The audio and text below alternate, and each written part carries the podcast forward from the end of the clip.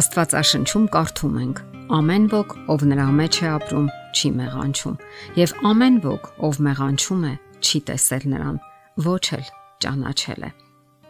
Աշխարհում ապրող յուրաքանչյուր մարդ երբևէ իրեն տվել է այս հարցը. Ինչու եմ մեղք գործում։ Հասնելով հասունության շեմին, մարդիկ սկսում են մտորել այս հարցի մասին։ Շատերն այդպես էլ չեն ծանրաբեռնում իրենց ուղեղը եւ փորձում են հանգիստ ապրել եւ շարունակում են մեղք գործել։ Անկախ նրանից գիտակցում ենք դա թե ոչ, մենք հակված ենք մեղքին։ Այդպիսին է մարդկային բնույթը։ Նա ծնվել է մեղավոր էությամբ։ Իսկ ո՞րն է մեղքի սահմանումը։ Աստվածաշունչը տալիս է մեղքի լավագույն սահմանումը։ Այն ամենը, ինչ հավատքից չէ, մեղք է։ Ինչու է մարդը ստում, գողանում, անառակություն անում եւ այլ մեղքեր գործում։ Շատերը նույնիսկ ցանկանում են դադարեցնել սակայն չեն կարողանում, որովհետև պայքարում են ոչ թե մեղքի արմատի, այլ պտուղների դեմ։ Եթե ծառի արմատները վնասված են կամ հիվանդ, Որքան էլ էտենք, դեղ ցանենք կամ կարգավորենք վնասված ճյուղերը, այն երբեք առողջ պտուղ չի տա եւ մի օր վերջնականապես կդադարի պտուղ բերելուց։ Ցավոք, այսպիսին է եւ մարդը։ Սպանությունը, գողությունը, ստությունը եւ այլ մեղքեր պտուղներն են անօրենության։ Դա հետևանք է այն բանի, որ մարդը մարմնավոր է եւ ապրում է մեղքի մեջ։ Այստեղ մի կարևոր ճշտում անենք։ Մարդը դառնում է մեղավոր ոչ այն բանի համար, որ մեղավոր գործողություններ է կատարում։ Նա մեղավոր գործողություններ է կատարում, որովհետև մեղքի մեջ է։ Իսկ ինչ է նշանակում մնալ ու հարատևել մեղքի մեջ։ Այս հարցին պատասխանելու համար հիշենք, որ Քրիստոսն է արդարությունը եւ որ նրա մեջ ենք դառնում արդարներ Աստծո համար։ Մարդը դառնում է արդար այն ժամանակ, երբ Քրիստոսի մեջ է եւ մշտական սերտ փոխհարաբերություն է պահպանում նրա հետ։ Իսկ ով է մեղավորն այդ դեպքում։ Տրամաբանությունը մեզ հուշում է, որ դա այն մարդն է, ով հերո է ապրում Քրիստոսից, ով կապ չունի արդարության աղբյուրի հետ։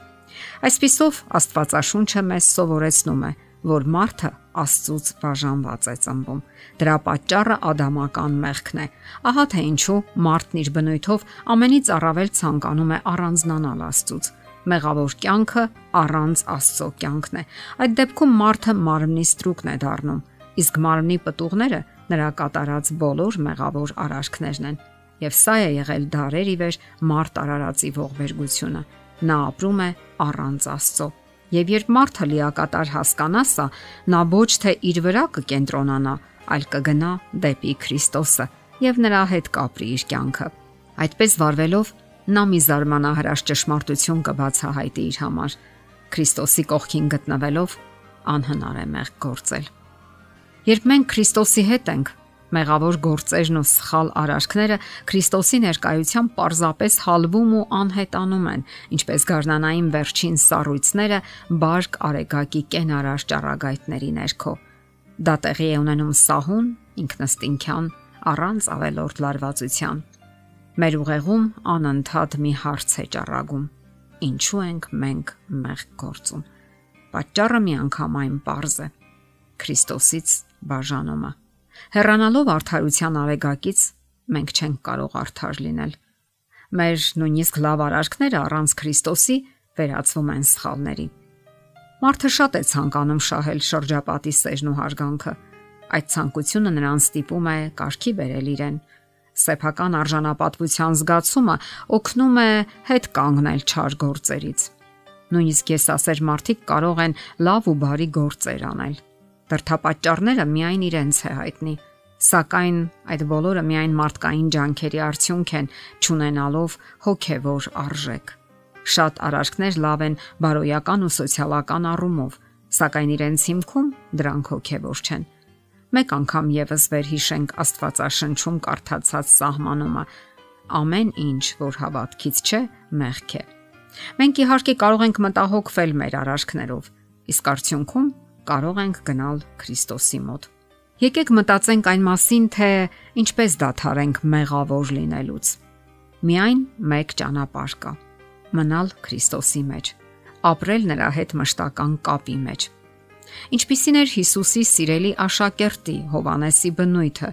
Նա բռնկուն էր, պատվասեր ու ինքնավստահ, չէր սիրում առարկություններ, սակայն ժամանակի ընթացքում Շփվելով Հիսուսի հետ, նա աստիճանաբար վերափոխվեց եւ սկսեց նմանվել ուսուցչին։ Նա սկսեց տեսնել իր անկատարությունը եւ դա խոնարեցրեց նրան։ Օրեցօր նա Քրիստոսի մեջ տեսնում էր ուժ եւ համբերություն, քնքշություն, հեզություն ու մեծություն, որոնք հիացմունք ու սեր էին ծնում նրա մեջ։ Նա ավելի ու ավելի էր մղվում դեպի Քրիստոսը, ինչեւ որ Տիրոջ հանդեպ սերը նրա սրտից դուրս մղեց սեփական անձի հանդեպ սերը։ Նա թույլ տվեց, որ Աստված վերափոխի իր սիրտը, իր նեղացկոտ, ինքնասեր ու եսասեր սիրտը, եւ նրա բնավորության մեջ իսկապես փոփոխություններ տեղի ունեցան։ Մարդը պետք է ապրի հոգեվոր կյանքով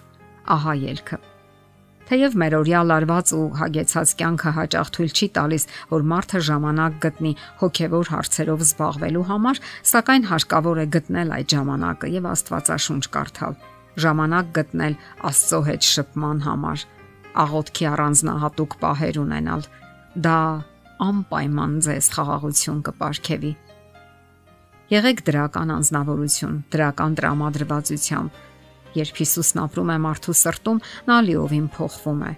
Աստծո սերը փապկեցնում եւ հնազանդեցնում է սիրտն ու մտքերը եւ ցանկություններն ուղղում դեպի Աստված։ Նա սկսում է նայել հավերժական ու անանց արժեքներին, այնտեղ, որտեղ Աստված է բնակվում։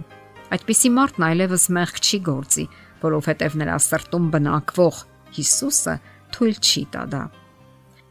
Հիշենք, որ մեղքն ու արդարությունը անհամատեղելի են։ Մնացեք Քրիստոսի մեջ, եւ դուք այլևս մեղք չեք գործի։ Եթերում է ղողանջ հավերժության հաղորդաշարը։ Ձեզ հետ է Գեղեցիկ Մարտիրոսյանը։ Հարցերի եւ առաջարկությունների համար զանգահարել 033 87 87 87 հեռախոսահամարով։